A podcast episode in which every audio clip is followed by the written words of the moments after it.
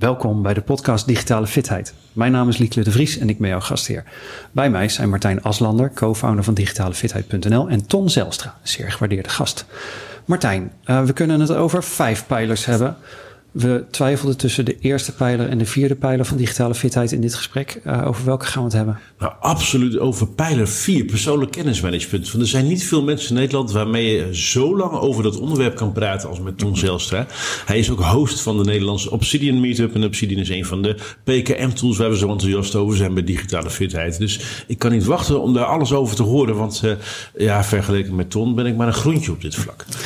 ik, nou, Ton, dat is een ja, mooie introductie. Dat schept verwachtingen, ja. Um, ik, ik heb natuurlijk ook even rondgekeken. Uh, je noemt jezelf een adviseur op het gebied van open data, digitale transformatie, netwerken voor mensen en ethiek. Mm -hmm. uh, je hebt onder andere ook een bedrijf, de Greenland. Uh, daarin dromen jullie samen van een samenleving waarin data en technologie op een inclusieve, open, verantwoorde, gelijkwaardige manier wordt ingezet. Mm -hmm.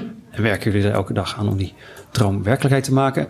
Je bent ook actief uh, in het IndieWeb. Uh, je bent uh, betrokken bij de Open State Foundation. alles wat met open data heeft te maken, daar, daar, hangt jouw naam op de een of andere manier wel aan, ja. lijkt het. En je noemt jezelf een constructief activist. Ja. Welkom. Dankjewel. Um, voordat we over dat constructief activisme gaan praten, heb ik tien vragen voor jou. Okay. En die, die vragen die danken we aan Bernard Pivot, die ze ooit een keer verzonnen heeft. Ik wil het kortste antwoorden wat het snelste in je opkomt. En je hoeft niks uit te leggen. Oké. Okay. Wat is je favoriete woord? Reboot. Wat is je minst favoriete woord? Administratie. Waarvan raak je opgewonden? Technologie. Wat is voor jou een echte turn-off? Um, passiviteit. Welk geluid vind je geweldig? Muziek. Welk geluid haat je?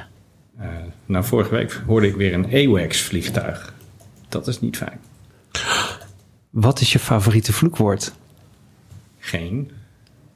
Welk ander beroep dan je eigen beroep zou je wel eens willen uitproberen? Oeh, ik zou wel echt dingen willen kunnen maken met mijn handen. En welk beroep zou je nooit willen hebben? Oeh, uh, ja, alles wat met, met, met management in een bureaucratische organisatie te maken heeft. Oké. Okay. Laatste vraag. Wat hoop je dat men later over je zegt wanneer je eenmaal niet meer op deze planeet bent? Dat ik een mens was. Een mens. Ja. Dankjewel. Ton Zelstra, vind jij jezelf uh, digitaal fit? Nou ja, ja, fit. Dat hangt natuurlijk van je definitie van fitheid Ja, je mag af. hem ook ik, uitleggen hoor. Ik, ik, ik, heb een hele lange lijst van dingen waarvan ik denk van dat moet nog anders. Ja, ja. dus, dat, uh, dus, dus of dat fit is, weet ik niet. Maar uh, ik doe denk ik wel meer aan digitale fitheid dan een hoop mensen om me heen. Ja. En hoe zou je jouw informatieliquiditeit uh, beoordelen? Ja, geen idee wat je daarmee bedoelt. Maar, nou, Martijn. ja, als je informatie als een vorm van kapitaal ziet. Mm -hmm dan zou je dat kapitaal graag liquide willen hebben. Dus ja. we hebben het woord uh, informatieliquiditeit bedacht. Het staat uitgeschreven in het boek wat ik je net cadeau ja. uh, omdat de meeste informatie die, waar mensen toegang toe hebben, is voor hun niet liquide. Het is niet beschikbaar op het moment dat ze ermee ja, willen betalen dat ze het nodig hebben. En um, ja, PKM is natuurlijk een geweldige manier, een strategie. Uh, om je informatiekapitaal uh, liquide te maken. Ja. Dus dat bedoelen we met dat woord. Nou, dan ben ik zeker wel liquide, denk ik. Ja. ja. ja. Ja. Dat kan ook haast niet anders als je met PKM bezig bent. Mm, precies, ik denk dat daar een grote relatie zit. Ja. Ik moet nog even wat zeggen over die AWACS. Uh, ja, ik zag je reageren. Ja. Want het is by far een van de meest originele antwoorden in dit rijtje die we ooit gehad hebben. Ja. Maar toevallige wijze is dat de schuld van mijn oom. mijn oom namelijk, de, de broer van mijn vader, die uh, heeft zeg maar meegewerkt aan het ontwerp van de AWACS. Dat is de Airborne Warning and Control System. Dat zijn die, die Boeings waar een grote ronde schijf op Ja. het dak Ja, zit. ja, precies. uh, om radar te doen. Dus ik zal het aan hem doorgeven dat dat geluid niet oké is. Nee, het is, uh, ik, wa- ik was vorige week in Limburg. We waren op, een week weg met ons team. Uh, van, van, uh, van mijn bedrijf. En uh, we waren op bezoek bij de ouders van een van mijn collega's. En die wonen in de aanvliegroute van de AWACS. En er kwamen tijdens de lunch waren ze aan het oefenen met Oh, aanvliegen, Ja. doorstarten, en nog een keer rond en nog een keer. Dus ze kwamen een keer of zeven over. Ik en toen realiseerde ik me dat ik ze nou, 25 jaar geleden in Noorbeek ook een keer gehoord had. En dan herinner ik me weer wat voor ontzettende herrie ze produceren. Ik, ik groeide op en dan gingen we in Twente uh, wel uh, op vakantie naar een uh, boerderijtje. En dat lag onder de aanvliegroute Hmm. van Vliegbasis Twente toen nog. Als het huisje er niet gestaan had, had het nooit gebouwd mogen worden. Want het lag veel te dichtbij. Maar wij konden dus de, de piloten in hun F-16 zien zitten terwijl ze landen of niet. En dan stond de hond te blaffen, maar je, je zag alleen zijn bek open dicht gaan, je hoorde niks. Ik kan me er iets bij voorstellen. Het is een indrukwekkend akelig geluid. Um, maar persoonlijk kennismanagement. Ja. Uh, uh, je bent hier al een tijd mee bezig. Hè? Dat, uh, want Martijn zei het net ook al. Um, ik zag, hè, jouw blog is in 2002 zo ongeveer begonnen. Mm -hmm. ja. Dan was je echt heel erg vroeg. Um, uh, was je toen ook al bezig met persoonlijk kennismanagement? Wat, wat maakt ja, dat zeker. je in dit onderwerp geïnteresseerd ja, bent? Ik, nou ja, dat, waarom ben ik daar? Ik ben eigenlijk altijd geïnteresseerd geweest in wat, wat gebeurt er nou als mensen met technologie aan de slag gaan. Hè? Hoe, hoe verandert dat gedrag? Hoe verandert dat hoe ze dingen organiseren voor zichzelf en, en, en hoe, je, hoe je leert? En uh, toen ik begon met mijn weblog, dat was inderdaad in 2002, toen, uh, toen werkte ik ook in, in, in de hoek van kennismanagement, en, en, maar dan voor een onderzoeksbureau. En, um, en er was toen niet zoveel rondom kennismanagement, behalve wat Amerikaanse case studies, zeg maar. Dus toen ben ik eigenlijk gaan bloggen om meer mensen tegen te komen die met dezelfde materie bezig waren. En um, um, en ja, dat waren ook allemaal mensen die gewoon op eigen houtje aan de slag waren. En, um, en daarin werd ook die link van, van nou, je moet eerst naar jezelf kijken. Van hoe organiseer je wat je weet, hoe, met welke informatie je werkt en hoe je dat weer deelt. En dan, en dan pas treed je de wereld in. En in die interactie met die wereld heb je dan andere structuurtjes nodig om dat te bestendigen. En als je dan meer collega's krijgt die hetzelfde doen, dan moet je ook zeg maar, organisatiestructuurtjes gaan oprichten. Maar het begint vanuit het individu. En dat betekent ook dat eigenlijk alle kennismanagement, ook als je daar voor grote organisaties naar kijkt, begint met wat doet het individu? Welke vaardigheden heeft hij? Waar is hij in geïnteresseerd? Hoe interacteert hij? En hoe komt het dat we dan tot op heden dat bedrijven dat die kant niet zo hebben opgepakt? Want het is bizar hoeveel tijd, geld, effort er in technologie mm-hmm. gestopt is en hoe weinig aandacht er is geweest voor de informatiekant daarvan. Nou ja, het, het, het is een beetje uh, uh, eng, denk ik, in de zin dat de technologiekant is redelijk straightforward. Je koopt uh, apparaten en je koopt software en dan zeg je dit moet je gaan hanteren en, uh, en dat is het dan. Maar als je aan de, aan de PKM-kant kijkt, dus aan, aan van hoe, hoe doe je dingen zelf, dan zit je in de sfeer van gedrag en, en in de sfeer van houding en, en hoe aggregeert houding vanuit jezelf over je team of naar je afdeling of naar je hele organisatie. En dan moet je dus ineens gaan hebben met elkaar over andermans gedrag en, en over hoe je jezelf opstelt. En, en dat, dat, is veel, eng. veel enger. Ja. ja spannend. Ja, ik, ik heb wel eens een keer voor een organisatie, dat vond ik een hele interessante uitkomst. De organisatie heeft er niks mee gedaan. Um, maar de vraag was daar, we zijn een grote organisatie, we spenderen vele miljoenen elk jaar aan licentiekosten voor uh, kennismanagement software. En, um, en we blijven maar software kopen. Waarom is ja. dat? Ja, we zijn er niet klaar. Ja. ja waar, waarom zijn we er niet met de tools die we hebben? En toen heb ik een lijst gemaakt van, nou, wat noemen jullie allemaal jullie kennismanagement software? Er stonden ruim 70 applicaties op. Wow. Dat was Hoe groot was die organisatie? Uh, ja, vele duizenden. Oké, okay. okay. serieus groot. Ja, en, um, en toen heb ik alle oorspronkelijke uh, specificaties bij de aanschaf van, uh, van die software uh, op een lijst gezet. Van alle, alles wat ze aan wensen hadden. Nou, een enorme matrix.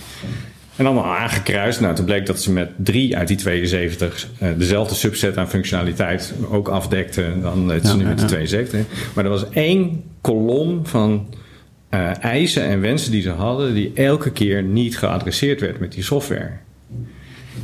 En dat was: hoe organiseer je dingen onderling? Ja. En hoe ga je met elkaar om? En dat probeerden ze weg te regelen, want het was een, een ingenieursorganisatie. Dus ze dachten van, nou, er moet toch ook een technische oplossing voor, oplossing voor zijn. Maar dus alles wat te maken had gewoon met elkaar bezig zijn. Bij elkaar de kunst afkijken, met elkaar overleggen. Uh, elkaar uh, soepeltjes, uh, zowel synchroon als asynchroon, lekker kunnen informeren in de flow van wat je aan het doen bent. Ja, daar kwamen ze nooit aan toe. En, nee. en dus elke keer als ze een nieuw softwarepakket in gebruik hadden genomen, waren ze eventjes enthousiast. En, en daarna verloop van tijd merk je van ja, er zitten nog steeds dezelfde barrières in ja. uh, uh, als altijd. Namelijk dat wij gewoon mensen zijn en menselijk gedrag vertonen. Nou ja, dan moet er maar weer een nieuw softwarepakket komen. En waar, Fascinerend dat ze dat zo lang en, hebben en, en dat volgehouden. hè? 72 keer. Ja. In ons boek eh, hebben we het erover dat, dat eigenlijk dit onderwerp een beetje tussen eh, de afdeling IV, informatievoorziening, eh, HR en IT in ligt. Mhm. Ja. En dat geen van die drie hier eigenaarschap over Nee. pakt. Jullie Eh, noemen het een Bermuda-driehoek Ja, ook, ja, de Bermuda-driehoek waar dit onderwerp in verdwenen is. ja, ja. Maar het is wel raar. We, we, we geven, eh, weet ik veel, hoeveel geld uit aan, oh, je zit aan allerlei tools en de implementatie daarvan. We kijken niet naar die gedragskant. En HR-mensen, ja, die hebben niet zoveel met knopjes. Ja. Dus, dus de- de- het is echt heel erg. Als je kijkt door, de, door deze lens kijkt naar vraagstukken bij organisaties, ziet elk vraagstuk er gewoon acuut anders uit. Ja. Ik zie hetzelfde ook eh, in, in werken met data. Eh, eh, vanuit mijn bedrijf werken we veel met overheden. En dan zie je ook dat er een, een grote kloof is tussen de mensen die de data beheren en de data verzamelen en met die data bezig zijn. En de beleidsmedewerkers die daadwerkelijk iets in de buitenwereld aan impact moeten veroorzaken. En die die data gebruiken om, Ja. om zich daar te informeren en beslissingen op te baseren. En dat gesprek tussen beleidsmensen en, de, en de, de, de mensen die gewoon zorgen dat de data veilig is opgeslagen en, eh, en dat soort dingen. Dat gesprek dat komt nauwelijks tot stand. Hè? Dus de, van wat heb ik nodig om mijn beleidstaken uit te voeren, om beslissingen te nemen over de omgeving of om überhaupt te zien dat wat ik doe effect heeft in de omgeving. Die vragen die komen nauwelijks aan bod als het gaat om welke data verzamelen, hoe slaan we dat op, eh, is dat allemaal wel verantwoord? Geeft dat vo- voldoende de werkelijkheid weer die ik als beleidsmedewerker moet zien? Het is precies En- dezelfde. En waar ligt dat aan? En hoe los je dat op? Dat zijn twee het- verschillende vragen. Ja, maar nou, waar ligt het aan? En die mensen spreken ook heel veel verschillende talen. En het is, again, het is, het is makkelijk om te denken van, oh, technologie, daar hebben we mensen voor. Terwijl als het gaat om, nou ja, in dit geval van beleidsmedewerkers met data, dan moet je A, naar buiten om te gaan kijken of eh, de werkelijkheid zo is als jij hem ziet in jouw spreadsheet, zeg maar. Eh, en als dat niet zo is, wat moet je dan, eh, moet je dan veranderen? En dat, is lastig, dat is een speurtocht, dat is niet efficiënt of zo. Hè? Dus dat, eh, dat is gewoon, en dat moet je ook voortdurend blijven doen, want de wereld daarbuiten is complex. Dus je moet elke keer opnieuw gaan kijken of de werkelijkheid nog voldoende weerspiegeld is in de, in de informatie waarmee je werkt. En dat is allemaal lastig. En als je het hebt over databases, dat is gewoon concreet. En die zitten daar en daar hebben we mensen voor. Dus die mensen spreken verschillende talen. De beleidsmedewerkers zijn niet altijd gewend om naar buiten te gaan. Eh, eh, want je zit in termen van verantwoording, zit je vooral in je eigen stukje. En je legt verantwoording af naar andere mensen binnen de eigen organisatie. Je legt heel weinig verantwoording af Ja. naar de mensen voor wie je het doet of eh, die rechtstreeks geraakt worden naar- door jouw beleid. Dus die interactie is er nauwelijks met buiten en dus krijg je ook geen feedback dat er iets mist of zo. Hè? Dus je hebt er ook, je kunt heel lang in je eigen fictionele werkelijkheid rondlopen in die zin. Ja, ja, ja. Eh, ik zat gisteren in een podcast eh, met nerds om tafel, heet die podcast. eh, hartstikke gaaf. Maar ik merkte, ik dacht, nou, de kat en bakje, die, die snappen alles wat ik zeg. Maar er er was inderdaad nog wel leuk wat spraakverwarring. Die, bleven me echt aankijken toen ik zei, joh, we moeten af van documenten. Want eh, ehm, ja, dat zijn soort afgesloten datacontainertjes. En de informatie eh, daarvan ja, kan niet makkelijk van het ene naar het andere flowen. Dus ik probeerde uit te leggen over PKM. En over nou ja, wat er gebeurt als je eh, het hele concept, construct, het document met afbakening loslaat. Nou, daar, daar kwamen we vrij moeilijk uit. Eh, uiteindelijk moest ik met, met voorbeelden als een data lake en een view op data komen. Eh, eh, hoe- ehm, hoe, hoe doe jij dat? Want jij, jij moet het ook om de havenklap tegenkomen. Dat je ontdekt in die wereld van pe- persoonlijk kennismanagement, al die tools, dat je heel makkelijk informatie met elkaar kan combineren. En dat is voor de meeste mensen is dat tien lichtjaren verder om dat te kunnen conceptualiseren. Ja, dat, ja, dat is zo, dus zoals je het beschrijft. En dat heeft ook te maken met dat in de meeste situaties de tools waar mensen mee werken, die zijn gewoon voorgeschreven centraal. Ja. Ehm, En gebaseerd op documenten. En, gebaseerd op die metafoor Ja. van, van alles zit in een, in een documentje. Ehm, eh, dus dat is een zichzelf in stand houdend effect in, in, in die zin. En, en ik merk ook wel dat, dat de, ehm, en dat zie ik ook in, in mijn eigen team wel, dat er heel weinig vragen gesteld worden bij je gereedschap. Hè? ehm, en en als, als kenniswerker ben je een soort ambachtsman in, in mijn opvatting. En zou je dus een hele, hele, hele sterke mening moeten hebben over, Over je gereedschap. over je gereedschap en de kwaliteit ervan. En, en, We zouden het van een en- kok of een chirurg niet accepteren. Of van een klusjesman dat hij met, met een paar stukjes gereedschap alles moet doen. Ja. En dat niet onderhoudt. Ja. En bij die, al die schermen en kenniswerkers Ja, dan moet je het maar doen met we moeten een office suite hebben en, en, ja. en, en ja, iets anders mag niet, want dat is niet veilig. Nee, dus dus, dus het, het, het vormgeven van je eigen gereedschap komt voor mij voort uit, uit de opvatting van ik ben een ambachtsman in mijn eigen domein en dan moet je dus met je tools aan de slag. En dus is een computer iets om aan te klooien en, en te veranderen. En, en, uh, en dat geldt ook voor de software die erop draait. Maar dat, dat zie je vrij weinig, omdat iedereen gewend is dat er een soort uh, kamerbreed tapijt over je wordt uitgerold. Van dit zijn de dingen waar je mee moet werken. En dat merk ik ook. Uh, ik ben natuurlijk gewoon vaak ook afhankelijk van mensen in klantorganisaties die die met voorgeschreven tools werken. Dus ik ben vaak heel druk met de interfacing van hoe zorg ik dat wat ik bij elkaar combineer uh, uh, op een manier kan aanleveren dat zij er ook weer wat mee kunnen. Ja. Zeg maar. Dus, uh... ja, want we zitten natuurlijk nu midden in die hele in die verhalen over digitalisering, digitale mm. transformatie, hybride werken. Maar in de praktijk komen ze niet verder dan wat wij bij pijler 3 noemen bij digitale vaardigheden. De onderkant van digitale vaardigheden. Dat is e-mailcursus, time management mm. en Office 365. Ja, maar Om, ook, en ook alleen maar die laatste, omdat die overal al aanwezig lijkt te zijn. Ja. ja. Dat is ook een beetje toevallig. Ja. Maar we, vergeten het goede gesprek over digitale hygiëne en het gesprek over uh, persoonlijk kennismanagement.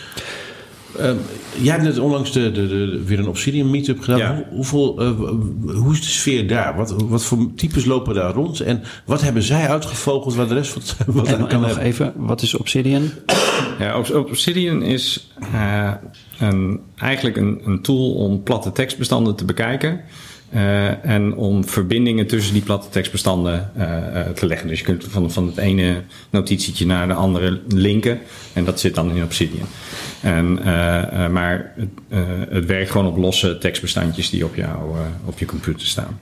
En dus het, is, het, het, voelt een beetje als, als, als, als Wiki ook kan voelen. Hè? Je bent gewoon aan het tikken en je maakt een link aan naar iets anders. En dan kun je daar weer verder schrijven. Ja. Dat doet Obsidian nou. Ja. En, en je organiseert daar... zeg maar meer als Lego dan als Playmobil. Ja, ja, ja, precies. Ja. En, je organiseert daar bijeenkomsten over. Ja, het, eh, die tool die bestaat nog niet zo heel lang. Hij is geloof ik net, net voor het begin van de pandemie is hij, uh, is hij door twee mensen uh, gelanceerd. En um, ja, en hij werkt gewoon lekker uh, vlot en soepel in het manipuleren van die losse tekstbestandjes. En voor mij voelt dat als een soort uh, thuiskomen. Want in de jaren negentig schreef ik ook gewoon losse tekstbestandjes. Er stond alles daarin. En daarna kwamen er uh, opties voorbij die dat makkelijker maakten. En uh, Evernote, maar ja, dan zit je weer opgesloten. En dat wilde ik niet, dus dat wilde ik weer uit. En ik heb ook jarenlang gewoon een wiki lokaal gedraaid op, op mijn laptop. maar dat is allemaal dan, zit het ergens in. En dan moet je weer je best doen om vanuit andere gereedschappen weer toegang te krijgen tot, tot die inhoud. En Obsidian is eigenlijk gewoon manier om die losse bestandjes weer te bekijken. Dus voor mij voelde het als een soort thuiskomen. En het staat me toe om snel allerlei aantekeningen te maken. Om die snel ook te verbinden met dingen die ik al weet of heb uh, of al eerder ben tegengekomen. En uit die verbindingen komen nieuwe patronen naar voren en nieuwe ideeën. Omdat je dingen met elkaar kunt combineren. En um, nou ja, daar organiseren we uh, rondom die tool meetups op.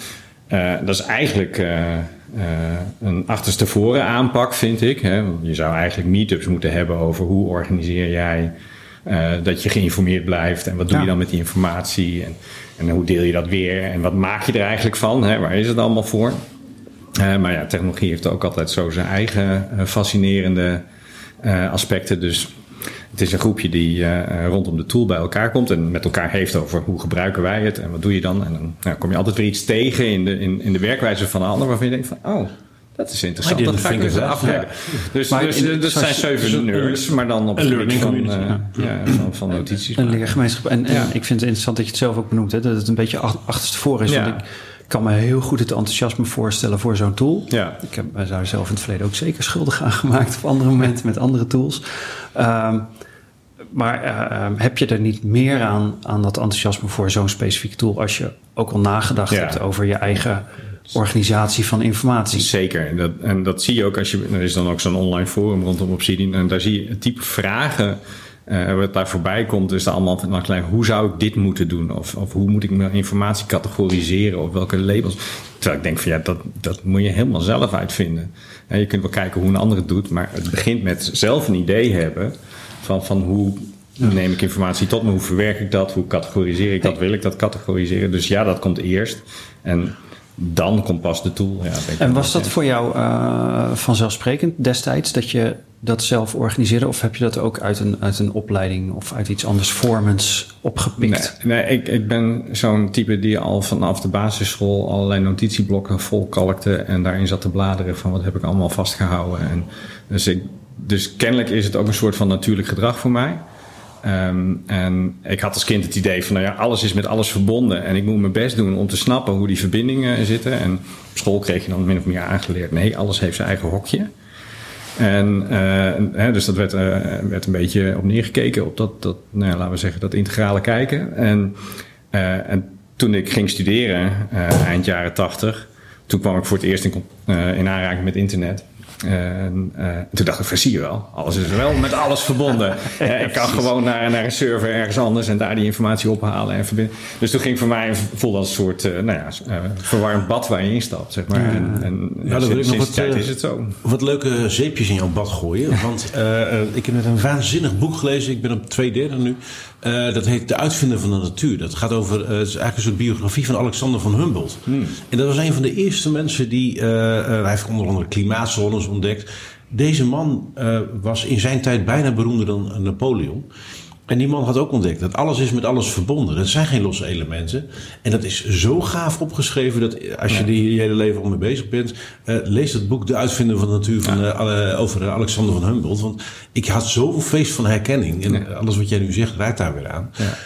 Uh, wat ik net zat af te vragen, Lieke vroeg, hey, hoe heb je het allemaal zo geleerd en waar komt dit vandaan?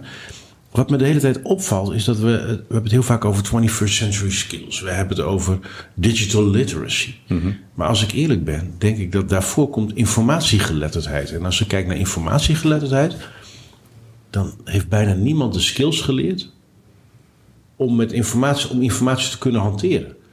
Uh, niet, ik vraag heel vaak bij een mm-hmm. lezing in een zaal: wie mailt er wel eens iets aan zichzelf? Mm-hmm. Nou, begint iedereen te lachen, maar alle vingers gaan omhoog. Maar dat is, de, dat is een symptoom van een onderliggend probleem. Dus kijk naar een, willig, willekeurig bureaublad van een kenniswerker. Ook de, ook de mensen in, in, die, die, die een jaar of twintig zijn. Het is één grote bende. Mm. Want we hebben namelijk nooit... Niemand heeft ons geleerd waar je die informatie moet opslaan. Waarmee, hoe dan, hoe je dat noemt, hoe je dat metadateert. Ja. Dat zijn basisskills die voor mijn gevoel eerst komen voordat je aan de rest toe komt. Hoe zie jij dat? Ja, nou ja, daar ben ik het wel mee eens. en, en ook, ook pre-digitaal al, zeg maar. En, en, jij vroeg net naar opleiding.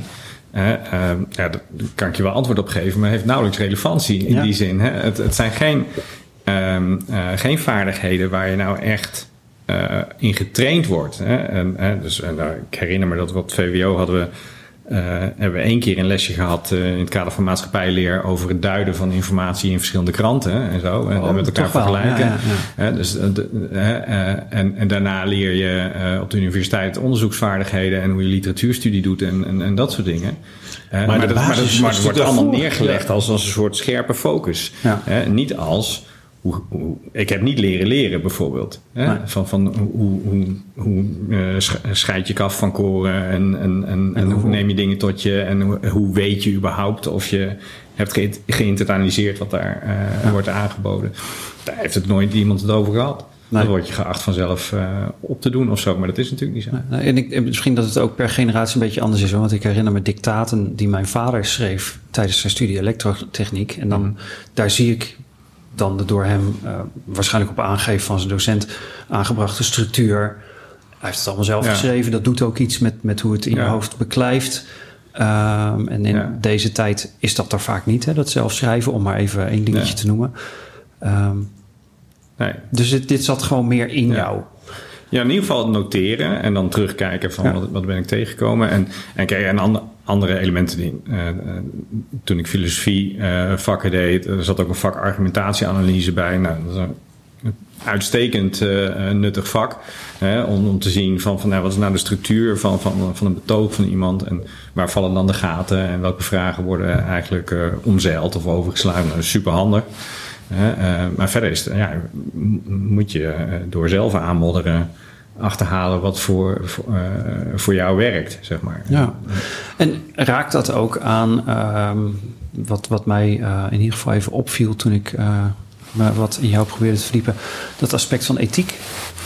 Ja, zeker. Um, nou, misschien moet ik één stapje terug doen. Eén is dat voor, voor mij informatie tot mij nemen is een, een sociale activiteit. Dat wil zeggen, uh, ik kan wel uh, dit mooie boek lezen wat je me net gegeven hebt, Martijn.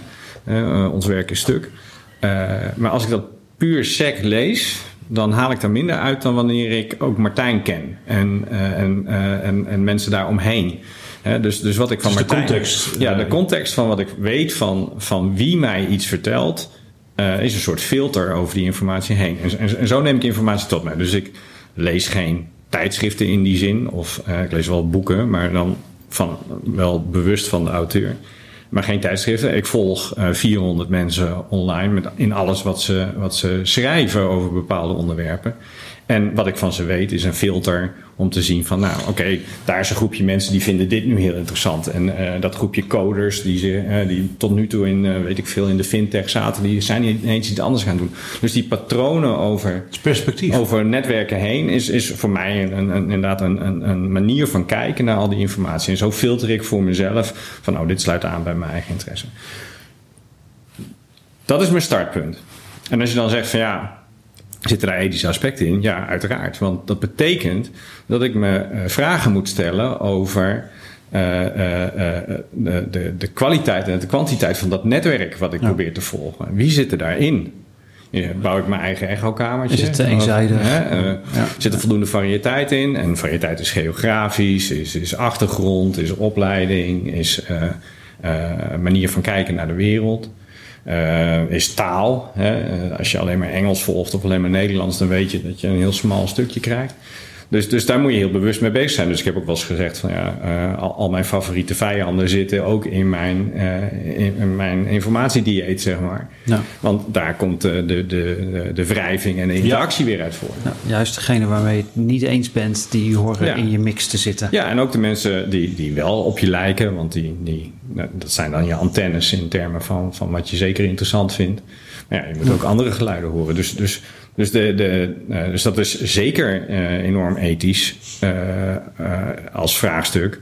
Omdat het gaat over ja, op, op, wie let je eigenlijk in de wereld en, en wat vind je ervan? En hoe, hoe divers is dat? Um, David Allen die zei al van, goh, uh, in zijn boek Getting Things dan de hoeveelheid informatie is zo groot geworden, dat past niet meer in je hoofd. Dat moet je mm. buiten je hoofd plaatsen. Nou, toen kwam Phil Libben in 2008 met Evernote, die zei, I want to be a second brain. Ja. En toen hadden we denk ik Thiago Forte, een nieuw keer dan een blog, die met mm. uh, uh, Building a Second Brain course bezig is en de paramethode heeft uitgevonden. Die heeft het over, joh, we gaan nu naar een tijdperk van perspectief. Want in een tijdperk van information overload is de, de curatie van die, van die informatie en de duiding, dus volgens mij wat ik jou ook mm -hmm. zeggen, is waar het over gaat. En dan kom je in een tijdperk van perspectief. Omdat jouw unieke perspectief, vanuit wie jij als mens bent, uh, met je eigen ethiek en opleiding, ervaring en trauma's en whatever, -hmm. die gaan jou, uh, die, die, die, die, vormen een duidingscomponent in het perspectief wat jij geeft op informatie. Is dat een beetje. Ik vond het wel een mooie, mooie opmerking. Ja. era of perspective. Ja, nou, het, het heeft. Ja, en, en, dan niet alleen mijn eigen perspectief, maar ook, ook het perspectief van mensen uh, die ik volg. Hè. Dus, dus, er zitten ook mensen in, in mijn feedreader waarvan ik weet van nou, die hebben goed zicht op, op een hele andere community waar ja. ik verder uh, weinig mee heb. Maar dus ik ben, ben zelf ook de, vaak de, uh, de, de, de bruggenbouwer tussen verschillende groepjes. En, uh, en dat is interessant, hè, want dan kun je zowel zien wat er aan de ene kant van de brug gebeurt als ja, aan de andere kant van de brug. Uh, dus ik zoek dat soort mensen ook wel op, want die geven inzicht in, in andere dingen. Tegelijkertijd betekent op de brug staan ook dat je meestal niet in het hart van iets staat. Nee, zeker uh, dus die mensen moet je dan ook in je, in je informatiefilter als netwerk ja. hebben. Zeg maar maar het, ik, ik, ja, we hebben het er nog niet eerder over gehad, maar nu je dat zo noemt, Martijn, denk ik, nou, je zou kunnen zeggen: het is de de, de periode van het uh, uh, bewuste perspectief breekt nu aan. Hè? Want ik, als ik even gewoon terugzoom naar van voor mijn tijd, toen was mm -hmm. Nederland mooi gewoon uh, in, in, in zuilen georganiseerd. Ja. Elk met hun eigen vakbond en krant en dergelijke. En dat mm -hmm. filterde voor jou natuurlijk al heel veel van wat je wel en niet vond. Zeker. En wat je wel en niet tot je nam. Uh, de redacties van kranten, televisieprogramma's en dergelijke waren voor lang uh, ons filter, waar we ja. ons gewoon op op verlieten. Ja, en creëerde ook gemeenschappelijkheid zo. Hè? Iedereen had hetzelfde gezien en hetzelfde gehoord. En... en... op een gegeven moment breken die zuilen een beetje af. Maar dan op een gegeven moment dan zeg je... ja, Elsevier is echt mijn, uh, mijn blad. Of uh, de VN mm -hmm. is mijn blad. Want daar herken ik veel van mijzelf in. En toen kwam um, het internet en web 2.0 en social media. En toen gingen die modellen stuk. In de zin van dat, dat er omheen stroomde ook alle informatie. En moest je zelf gaan cureren mm -hmm. eigenlijk. Um, dus het is, het is niet nieuw. Maar wat maakt dan dat Thiago zegt nu, uh, nu wordt dat echt heel belangrijk?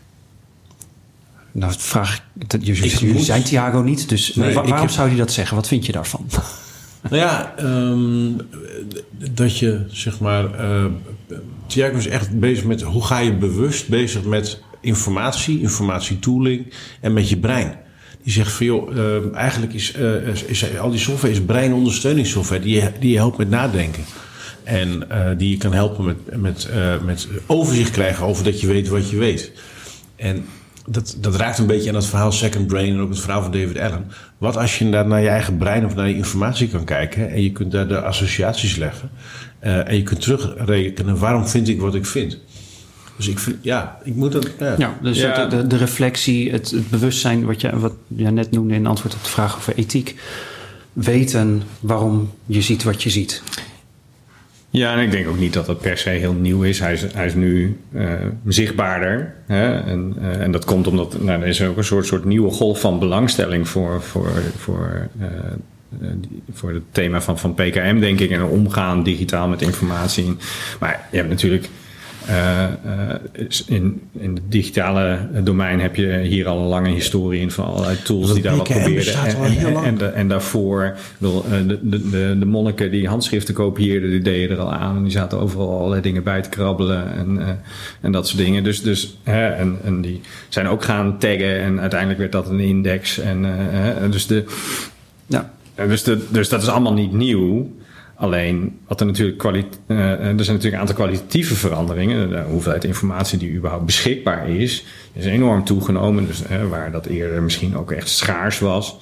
Uh, de snelheid waar, waarmee dingen op je afkomen is, is, is ongehoord. Je kunt nu bijna live meekijken met, met, met wat mensen in, in Oekraïne overkomt in, in, in de oorlog. Uh, dus, dat, dus, de, hè, dus de snelheid, het aantal wegen waar langs iets bij je komt, dus al die paden en het volume, zijn allemaal uh, kwantitatieve veranderingen die een groot kwalitatief effect samen hebben, volgens ja. mij. En, uh, en dus je staat eigenlijk voortdurend in een soort windhoos van allemaal dingen die op je afkomen. en dat moet je duiden om, om je acties en je interventies te kiezen en je pad daarin in, in te maken. Ja, en dat leidt wel tot nieuwe aandacht voor van ja, maar hoe doe je dat dan? Ja. Tussendoor drie vragen en daarna gaan we verder. Uh, welk apparaat gebruik je het meest? Mijn laptop. En welke apps gebruik je dan het meest of welke applicaties? Uh, nou, Obsidian, want die hebben we net ja. genoemd. Hè? Dat is eigenlijk uh, de poort naar alles. ik gebruik Zotero heel veel. En wat dat doet Zotero? Ja, dat is eigenlijk een bibliotheek van documenten. maar die houdt ook alle referenties en citaat of citering, tekst bij. Uh, en praat uiteraard met, met mijn andere tools. Dus dat is de opslag van allerlei artikelen. Um, uh, en e-mail is, uh, e-mailapplicatie is ook altijd nog ja. buitensporig belangrijk. Ben je het afgelopen jaar een, een app tegengekomen voor het eerst gaan gebruiken die je ook niet meer wilt missen? Ja, ik, ik, ben sinds een paar weken, nou ja, een paar maanden denk ik inmiddels al met, met DeepL bezig. Dat is, dat is een, een, een vertaaltool, dus machinevertaling. En, uh, en ik moet zeggen, dat bevalt eigenlijk heel goed. Uh, ik zei net al van je moet je, je informatie-intake divers houden. En, um, uh, maar ja, je, van primair kijk je natuurlijk alleen naar de talen die je beheerst. Dus, dus ik lees in principe in drie talen. Maar er is natuurlijk allerlei ander materiaal waarvan je denkt van nou, ik ben benieuwd wat hier staat, want dit lijkt relevant. En uh, DeepL uh, uh, ondersteunt dat en dat is heel fijn. En ik gebruik het nu ook om makkelijker in andere talen te schrijven. Dus een soort van Babelfish. Ja. Ja, en uh, het is eigenlijk gewoon Google Translate, maar dan op je, op je laptop alleen. Het werkt niet met Google. Dat is ook fijn. Wat een fijn bruggetje geef je me daar. Want ik wilde ook uh, even met je praten over open data. Ja. Omdat het zo prominent is in, jou, ja. in jouw cv. Uh, jullie, ik noemde het net ook bij de doelstellingen die je hebt met de Green Lands. Je wilt data in of ik technologie en data inclusief, open, Mhm. verantwoord, gelijkwaardig. Nou, we hebben natuurlijk een hele interessante tijd achter de rug met, met eh, corona-apps, Mhm. eh, met, met blockchain, met de Canadese regering die gewoon eh, alle banken sommeert om informatie te geven over iedereen die die truckersprotesten ge- ge- Mhm. gesteund heeft. Mhm. Ongehoorde schending van mensenrechten en privacy. Ehm, het is echt heel erg interessant wat er op dit moment gebeurt. En tegelijkertijd is het vanaf waar ik zit nog steeds meer het beeld dat data alleen maar meer achter muurtjes verdwijnt en in, in, eh, eh, in, in bezit komt van commerciële partijen dan dat het open wordt. Ehm, zie ik dat verkeerd? Nou, weet ik niet of je dat verkeerd ziet. Ik denk dat het en-en is. Ehm, eh, want de hoeveelheid data en wat data is, neemt ook enorm toe. En, en dat gebeurt zowel in open zin als, als heel gesloten. Ehm, ik ben eh 14 jaar geleden met open data begonnen. Eigenlijk omdat ik actief was in de hoek van open overheid. Dus van, hoe maak je nou de, de, de, de werking van onze, eh, onze publieke sector zichtbaarder? En, en hoe, hoe creëer je meer dialoog tussen eh, de, de, de, de omgeving en de overheid? Zodat het dichter op elkaar zit en dat, dat wat de overheid doet ook nou ja, meer relevantie heeft voor, voor ons allemaal.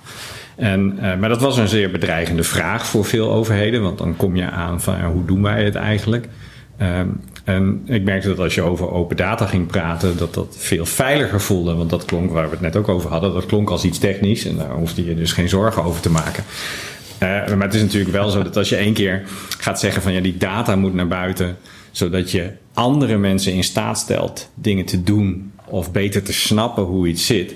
Uh, dat is natuurlijk in die, in die zin, in ieder geval in de ogen van die mensen die open overheid eng vonden, natuurlijk ondermijnend gedrag. Want als je die data opent, dan trek je vanzelf dat hele huis van Thorbecke mee. Dan gaat het uiteindelijk ook over, ja. over processen en hoe ja. doen we het eigenlijk en de democratische, uh, het democratische gehalte van al. Dan krijg je vragen en dan krijg je meningen. Ja. ja. dus, dat, dus het was een soort veilige, veilig voelende omweg om hetzelfde te bereiken. Zo ben ik erin terechtgekomen. En voor mij is, is data vrijgeven is net als andere technologie, het creëert handelingsvermogen bij mensen. Mensen die eerst, omdat ze niet wisten wat er speelde, iets niet konden doen. Omdat je gewoon niet kon kiezen als je niet weet wat er gebeurt. En die data die geeft dat handelingsperspectief. Nou, en als het gaat om de overheid, dan hebben we met z'n allen daar een enorme steek in. Hè? Dus het is, Aandeel, onze, ja. het is onze overheid. Dus, um, uh, dus we hebben allemaal een, een, een, claim op die publieke sector. Maar van laat ons zien wat je doet en waarom. He, dus, dus daar kun je dat argument van open data makkelijker doen dan bij, bij een bank of zo. Want dan zeg je van ja, nee, dat, uh, dat is geen public domein. Uh, nee, precies. hè? Um, ik wil niet zeggen dat andere organisaties niet ook wat aan open data hebben. Maar, uh, maar bij de overheid is het makkelijk om dat gesprek te starten. Omdat je, uh, omdat ja. je in ieder geval uh, op een gelijkwaardige manier aan tafel komt. Dus zo ben ik daarin gerold. En, en ja, er is natuurlijk in werkelijkheid een heel spectrum tussen open en gesloten. Situaties waarin je zegt van nou ja, uh, dan wil ik wel iets met je delen. En er is natuurlijk ook een, hè, een situatie waarin nou absoluut niet. En er is een groot verschil in over wat voor soorten data we het hebben. Hè. Als het gaat om wat weet de overheid over uh, de waterkwaliteit uh, in mijn omgeving en wat, uh, wat er geloosd wordt op slootjes en dat soort dingen, is heel iets anders dan wat weet de overheid over mijn gedrag of over mijn financiële transacties. Het voorbeeld ja. wat jij net noemde. Dus daar zitten grote verschillen in en dat vergt ook zo zijn eigen omgang daarmee natuurlijk. Um, dus ja, er is steeds meer open data en er is ook steeds meer gesloten data. Um, en er komt nu veel breder pakket aan mogelijkheden aan om daartussen gesloten en open mengvormen te vinden. Door te zeggen bijvoorbeeld, ja, ik wil jou wel iets vertellen. Ik kan jou de data niet geven, maar je kunt wel jouw vraag aan mijn data stellen en dan geef ik jou het antwoord. Wat voor soort mogelijkheden bedoel je dan, dat pakket? Wat is nou ja, dat? ja, de, de, de, de uh, Europese Unie is bezig met het implementeren van wetgeving vanuit hun uh, digitaliserings- en datastrategie. En daar zitten allerlei instrumenten in die, uh, die dat genuanceerdere delen of beschikbaar stellen van data mogelijk maken. En dat doen ze vanuit twee startpunten. Eén is zeggen van we willen de maatschappelijke baten van datagebruik willen we maximaliseren. Maar we willen dat gelijktijdig doen met het maximaal beschermen van burgerrechten. En ook het versterken van burgerrechten en de democratische toegang van, uh, van mensen. Uh, dus, dus, die, uh, dus die koppelen het aan elkaar. En ze koppelen het ook nog eens keer aan hun eigen beleidsvoornemens. Dus ze zeggen ook van ja, de digitale transformatie en het gebruik van data moet ten dienste staan aan grote maatschappelijke opgaven, zoals bijvoorbeeld uh, de klimaatadaptatie. Mm -hmm. Raakt dit aan het uh, programma Hergebruik Overheidsdata Of is dat net een heel ander stukje?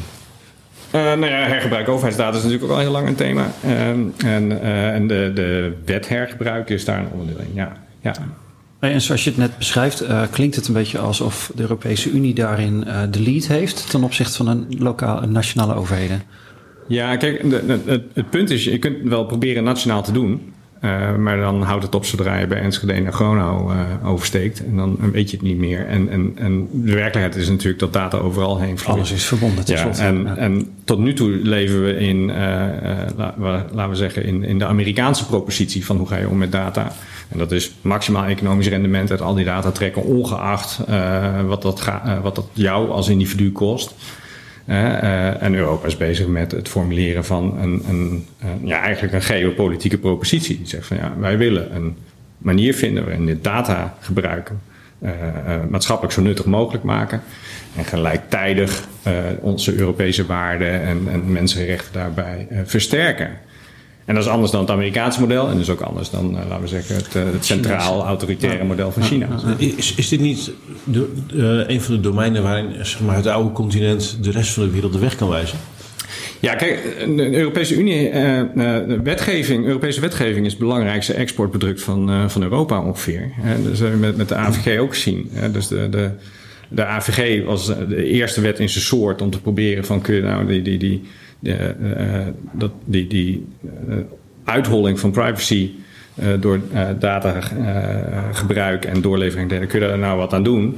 En dan kun je van vinden wat je wil in hoeverre dat gelukt is. Maar het was al de eerste in zijn soort. En je ziet dus dat mensen zich daarnaar gaan gedragen ook elders. En dat hebben we ook gezien als het gaat om milieunormen en productienormen. Omdat het nou eenmaal makkelijker is als je voor je belangrijkste markten toch al op die manier moet regelen. Om het dan ook voor je andere markten op dezelfde manier te ja. regelen. Want dan heb je maar één productiestraat in plaats van dat je meerdere regimes parallel moet onderhouden als bedrijf. En dat is een netwerkeffect dat je als Europa ook makkelijker voor elkaar ja. krijgt dan als los land. Ja, ja en, uh, en, en dat geldt dus zowel ook, hè, binnen de EU geldt zowel dat, dat landsgrenzen altijd natuurlijk voor versplintering zorgde. En dan is het lastig tegen een Amerikaans model aanvechten. En, uh, en sectorale grenzen hetzelfde. Dus als je iets wil wat over meerdere landen heen werkt en over sectoren heen werkt, ja, dan moet je dat Europees oplossen. Ja.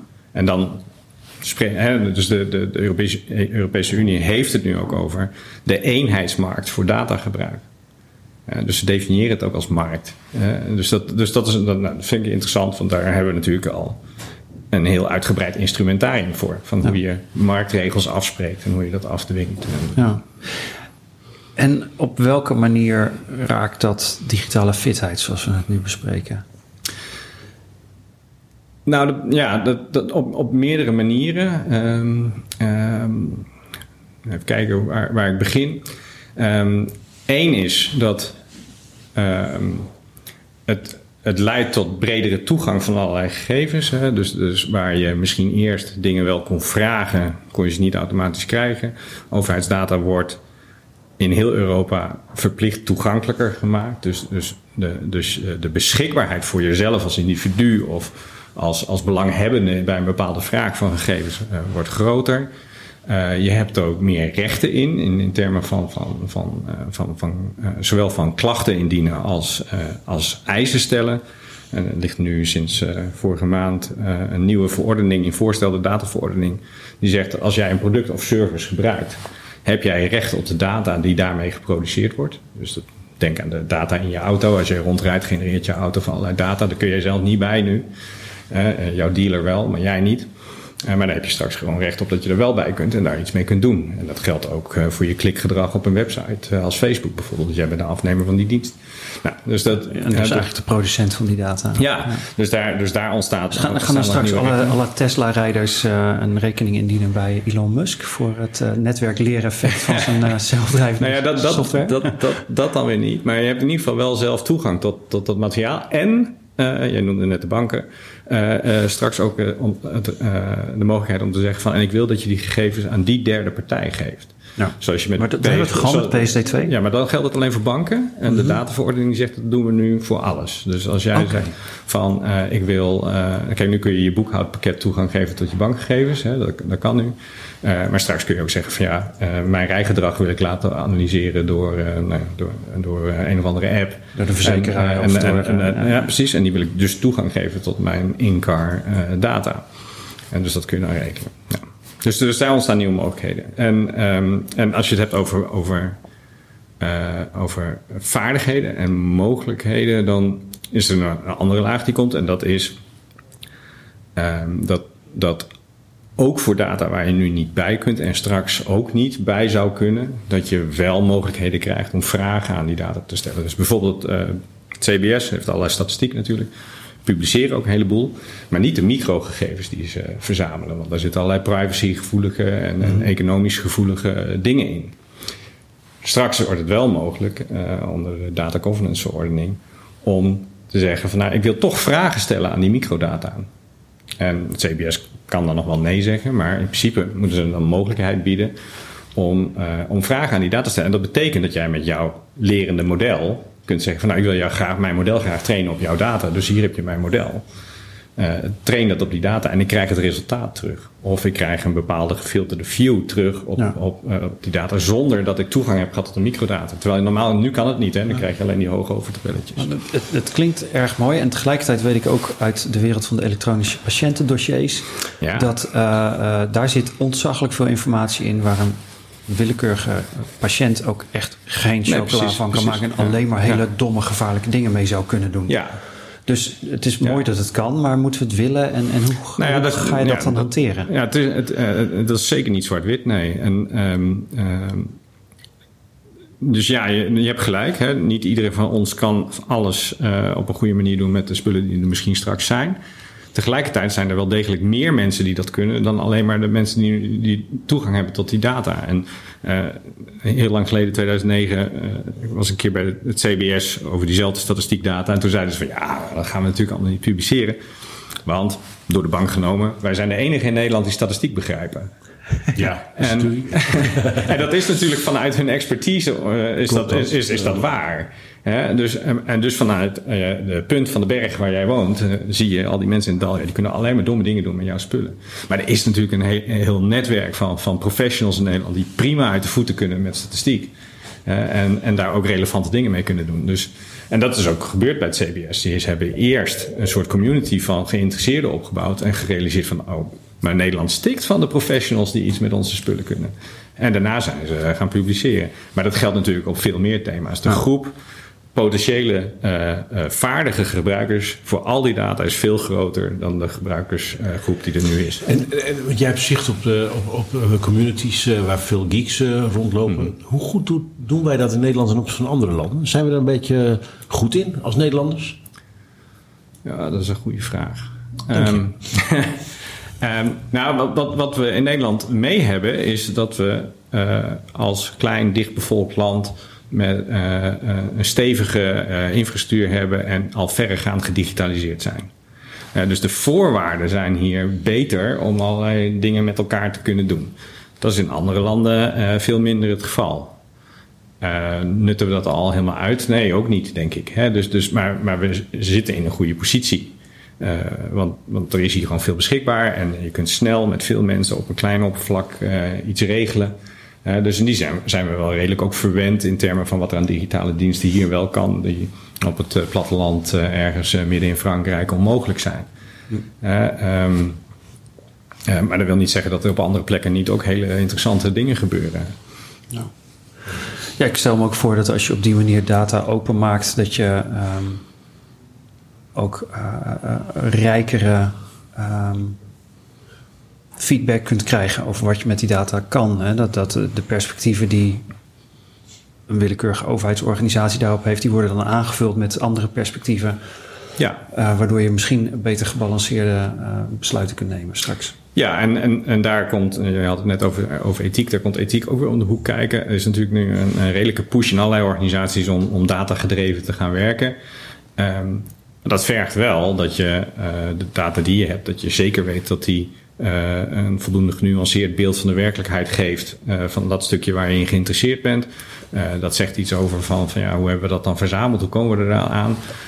waar voorheen besluitvorming was van nou, er kijkt nog eens iemand naar en die, die gebruikt zijn eigen gevoel daarbij en zijn eigen professionele inschatting en denkt van nou, misschien moeten we het zo doen. Dus dan zit er een soort vertraging in het pad van data naar besluit, naar interventie als je datagedreven gaat werken, wordt die feedback loop veel sneller. Ja. Maar dan moet je dus wel allerlei kwalitatieve gaan vragen gaan stellen bij de data waar je dat allemaal op baseert. En dat zichtbaarder maken en transparanter maken, zeker als jij degene bent over wie die besluiten gaan, is, is, fundamenteel iets, denk ik. Dat is ook wel aardig voor de Belastingdienst om dat eens te gaan regelen. ja. Ja. Om maar iets te noemen. Ja. de, de, de achter moeten we nog een keer een ander gesprek over hebben. Met, misschien met jou, misschien ook wel met andere mensen. Um, ik wil nog even terug naar jouzelf. Uh, wat zijn je dagelijkse routines op het vlak van kennis en informatie? Mijn dagelijkse routine is, ik, uh, ik sta meestal uh, vrij vroeg op. want dat voelt als een soort uurtje wegsnoepen voordat onze kleuterdochter wakker wordt en allerlei aandacht vergt. Um, en dan begin ik of met, uh, met, met schrijven over, uh, over, dingen die ik de dag ervoor ben tegengekomen. En het, het verbinden van, uh, met elkaar van, van informatie die ik de dag ervoor heb opgehaald. of ik begin met het, het inladen van, van mijn feedreader. Waar dus die 400 zoveel mensen in zitten. Waar ik, Welke gebruik je? Uh, nou ja, ik gebruik er uiteraard meerdere. Uh, als tool oh, nee, uh, ik, ik, gebruik Fresh RSS, maar die draai ik lokaal. dus dat is in principe een online ding, maar dat draai ik lokaal. Dus dat is op mijn laptop. Um, en, en ik maak tegenwoordig ook gebruik van mijn eigen feedreader omdat ik aan het experimenteren ben met hoe ik rechtstreeks vanuit mijn feedreader naar mijn weblog kan posten. En, uh, en als je een ander uh, feedreader gebruikt, dan zit je, ben je alleen aan het lezen. En ik wil gewoon knoppen van, oh, dit is interessant. Deze quote die wil ik nu naar mijn blog of die wil ik nu in mijn, in mijn notities opslaan. Um, dus je hebt een eigen feedreader gebouwd? Dus ben ik mijn eigen feedreader gemaakt. Dat klinkt ingewikkelder dan dat het in de praktijk is. Uh, mits je een paar bouwsteentjes van anderen al wel op zijn plaats hebt, zeg maar. Ja. Dus zo begint je dag. Ja. En dan gedurende de dag beleef je van alles. Ja. Dat levert ook van alles op. Ja, dus ik hou een soort daglogje uh, bij. Uh, dus ik heb open ochtends ook een notitie uh, voor die dag. Dat is allemaal op Obsidian dan? Dat is allemaal in Obsidian, maar daarvoor was dat in Evernote en daarvoor was het in een wiki en daarvoor was het gewoon een los bestandje. Hè? Dus nu zit het in Obsidian. Um, en dan begin ik gewoon te schrijven van, nou, ik ben zo laat opgestaan, dit ben ik gaan doen. Dit kwam ik tegen in de feedreader, dat was wel interessant. En, en als ik denk van, nou, dat, dat wordt meer dan alleen maar een regeltje van, dit is wat ik, uh, wat ik dacht of heb gedaan. Uh, dan maak ik er een linkje van en wordt het een apart bestandje waar ik dan dingen inzet. Dus dat daglogje is een soort uh, springplank naar alle andere dingen die ik in de loop van de dag tegenkom. Dus nou, we hebben nu dit gesprek er staat al een linkje klaar. Als ik straks hier wegloop, dan maak ik nog even wat aantekeningen over, over wat mij is opgevallen. Of ik dacht van nou, al pratende zijn we op interessante dingen gekomen. En dan noteer ik dat. En dat doe ik met alle meetings en dat doe ik met, met alles wat ik lees. Uh, dus dat genereert dan uh, een wolkje aan nieuwe notities die ik ook weer met elkaar verbind. Dus als ik ja. dan, uh, en dat, dat is dan jouw persoonlijk kennismanagement. Ja. En, en sommige van die bijeenkomsten zijn in de context van je bedrijf of een samenwerkingsverband. Ja. ja. Hoe gaat het dan vanuit je Obsidian naar die andere mensen toe? Uh, ja, langs meerdere wegen. Hè. Dus, dus uh, uh, nou ja, morgen moet ik ergens een presentatie geven. Dan, voeg ik losse notities samen tot een verhaallijn en, en, en, en plak ze achter elkaar en, en maak daar een vloeiend geheel van. Ehm, maar ik hou ook, we hadden het net over die Europese wetgeving. voor een klant hou ik bij wat daar gebeurt en maak daar Nederlandstalige samenvattingjes van. Um, en daar, dat gaat rechtstreeks naar, naar GitHub en zij uh, halen dat daarop en maken daar rechtstreeks een website van. Dus, dus vanuit mijn notities wordt direct die website gegenereerd. Dus dat, dus dat soort dingen kan ook. En alles ertussenin. En in gesprekken loop ik uh, mee te zoeken in mijn eigen notities uh, als ik met iemand bezig ben. En, en om terug te kunnen komen op wat we vorig jaar hebben gezegd of vorige week. En om, om als iemand zegt van nou dat doet me daaraan denken, om meteen erbij te kunnen pakken van maar als, het, als dat het invalshoek is, dan zouden we misschien ook dit uh, erbij kunnen halen of deze informatie kunnen gebruiken. Dus dan gebruik ik het als vraagbaak terwijl ik met iemand. Uh... Eigenlijk heeft hij nu alsnog een, een, een veel completer antwoord op de vraag over informatieliquiditeit gegeven. ja, wat ik wel afvraag, ja, ik, ik merk dat uh, in, als ik kijk naar mijn dagindeling, dat ik eigenlijk over de dag heen in drie tijdzones woon. Ik woon in het verleden voor ongeveer een mhm. derde. Uh, uitzoeken, kijken, linken, opruimen. Gewoon bewustzijn creëren in context. Uh, zodat ik in het heden kan functioneren. En in de toekomst kan plannen. Dus ik ben ook een derde met de toekomst bezig. Hoe is die verdeling voor jou? Een beetje ja, ik weet niet of het derde, derde, derde is. Uh, zo heb ik daar nog niet over nagedacht. Realiseer ik me zoals jij dat nu beschrijft. Maar ik hou wel actief rekening met mijn toekomst ook zelf. Dus als ik informatie nu zoek vanuit een bepaalde invalshoek of vanuit een bepaald thema. En, uh, en dat woord of dat thema komt er nog niet in voor. In de notitie zet ik er bijvoorbeeld als tag bij, omdat ik heb het nu gevonden in de context van een bepaalde vraag. Dus die vraag wil ik dan later ook weer als zoekingang kunnen gebruiken. Dus dan voeg ik dat toe van ik heb het nu langs deze weg gevonden, zodat ik de volgende keer sneller langs die weg kan vinden. Uh, um, um, als het gaat om gespreksnotities, die probeer ik dan wel aan het eind van de dag nog even zo op te poetsen. Dat ik ze straks ook terug kan lezen als ik niet meer precies weet waar dat gesprek over ging. Uh, en, en, dat helpt omdat je, je krijgt een soort, uh, soort rateleffect. Dat, dat je notities alleen maar naar voren kunnen. Dus hè, bij een ratel, dat is zo'n zo, zo, zo tandwieltje. Ja, Maar dat kan maar één kant op draaien. Hè, dus, en dan klik je het vast. Nou, dat, voor mij heeft, hebben notities dat effect. Ja, je kunt meteen weer uh, oppakken wat de status was toen je de laatste keer ernaar keek. Je hebt je meteen weer volledig. Dan ga je weer een stapje vooruit. Dan ga je een stapje vooruit. En je gooit eens wat weg. En je poetst eens wat op. En je voegt iets toe. Je legt er een linkje extra bij. Van ja, maar dat is nu ook relevant voor dat thema. Het zijn je ruwe, je ruwe bouwstenen. Ja, en, en dus, dus je hebt dat, dat rateleffect voortdurend. Waardoor je alleen maar uh, naar voren kunt gaan. Uh, in plaats van dat je heel veel tijd kwijt bent met reconstrueren van hoe zaten dingen ook weer. Hè? En, en dat zie ik dat dat anders gewoon heel makkelijk gebeurt. Dat je daar veel tijd aan kwijtraakt van om gewoon. Ja. Ja, ik, heb, ik heb een periode achter de rug, realiseer ik me nu, uh, waarin ik uh, elke dag verrast werd door de toekomst. Omdat ik niet voorbereid was. Oh. En dus ook noodgedwongen uh, heel veel geschiedenis moest terughalen. Precies zoals je hebt. Ben ik daar nu al? Hoe zat het ook alweer? Dat is de prijs die je betaalt als je op een gegeven moment het overzicht kwijt bent. Ja, ja. En, en, in jouw routine zit dus ook heel erg dat bijwerken, um, zodat je ook na afloop weet van nou, het is, het is af, adequaat ja. Uh, ja. opgeschreven. In de toekomst ja. kan ik er zo mee verder. Dat, dat, moet een hoop rust opleveren in je hoofd, denk ik. Ja, het, uh, het laat ook heel veel losse eindjes. Hè? Maar dat is inherent gewoon aan het feit dat je van alles doet. Uh, maar het schept ook rust, want je weet van nou, ik kan het in ieder geval terugvinden. Ja. Dat is een personal, persoonlijk kennismanagement is dus ook nooit af. Nee, nee. En, en de, de systematiek die ik hanteer is wel redelijk stabiel inmiddels. Uh, ik, ik, heb in 2003 heb ik er heel uitgebreid over geschreven. En als ik dat nu teruglees, denk ik van ja, dat doe ik nog precies zo. Ja. Uh, dus de routines zijn heel stabiel. Uh, de tooling is in de tussentijd, in, in die bijna 20 jaar, is meerdere keren veranderd en verschoven. Afhankelijk van wat er dan beschikbaar komt. Um, en beschikbaar blijft. En beschikbaar blijft. Hè, want er zijn ook gewoon dingen verdwenen. Uh, als we het over tools hebben. Je had, vroeger had je zo'n bookmarking tool, Delicious. Ach, ja. En, uh, Del.issues. Ja, en, en, en, en, daar kon je uh, trefwoorden aan meegeven. Maar er zat een sociale component in. Dat als je iets geboekmarkt had, dan zag je ook uh, wie dat nog meer had gedaan. En wat ik het interessantst vond, met welke trefwoorden zij het ja. hadden ge, uh, opgeslagen. En de, uh, het verschil tussen hun taal en mijn taal is een, is een afstand in termen van, van, van communities en, en, en sociaal. Dus, dus als een engineer iets opslaat op, uh, op met bepaalde woorden en een medicus dezelfde boekmark opslaat met andere woorden, dan zie je iets van verschil van, van nou, het perspectief wat je net noemde. Ja, ja.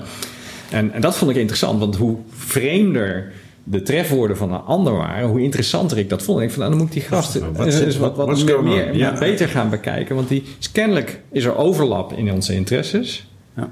maar vanuit een hele andere plek. Ah, geweldig. Ik, ik herken het. En, en zoiets bestaat nu gewoon niet meer. Ik denk er ook met de weemoed aan terug. Wat ja. uh, ik, ik vond het een machtig mooi gesprek. Uh, um, ik, ik, stel me eerlijk voor dat we ook nog wel een keer andere gesprekken zouden kunnen hebben ja, over as, aspecten die we nog niet aan de orde hebben gehad. Maar voor nu is het misschien wel even genoeg. Martijn, wie moeten we allemaal bedanken? Wij bedanken vandaag Summit in Utrecht voor de gastvrijheid en het beschikking stellen van deze locatie en de lunch voor de crew. En natuurlijk jou, Likle, geweldige gastheer van deze show. Dankjewel, maar dat ging ik zelf ook al doen. dus er komen show notes. Um, uh, je vindt ze op bit.ly slash show notes digitale fitheid podcast. En als je dat te veel tikken vindt, dan kijk je gewoon in de community van digitale fitheid. Uh, dit was de podcast Digitale Fitheid met Martijn Aslander en jouw gastheer Lieke de Vries. Onze speciale gast was vandaag Ton Zelstra. Bedankt dat je er was, Ton. Bedankt voor het luisteren, lieve luisteraar. Kijk ook nog eens op digitalefitheid.nl. Doe mee in de community. En uh, volg ons op Twitter. Apenstaartje Digitale Fitheid. Bedankt voor nu en tot de volgende keer.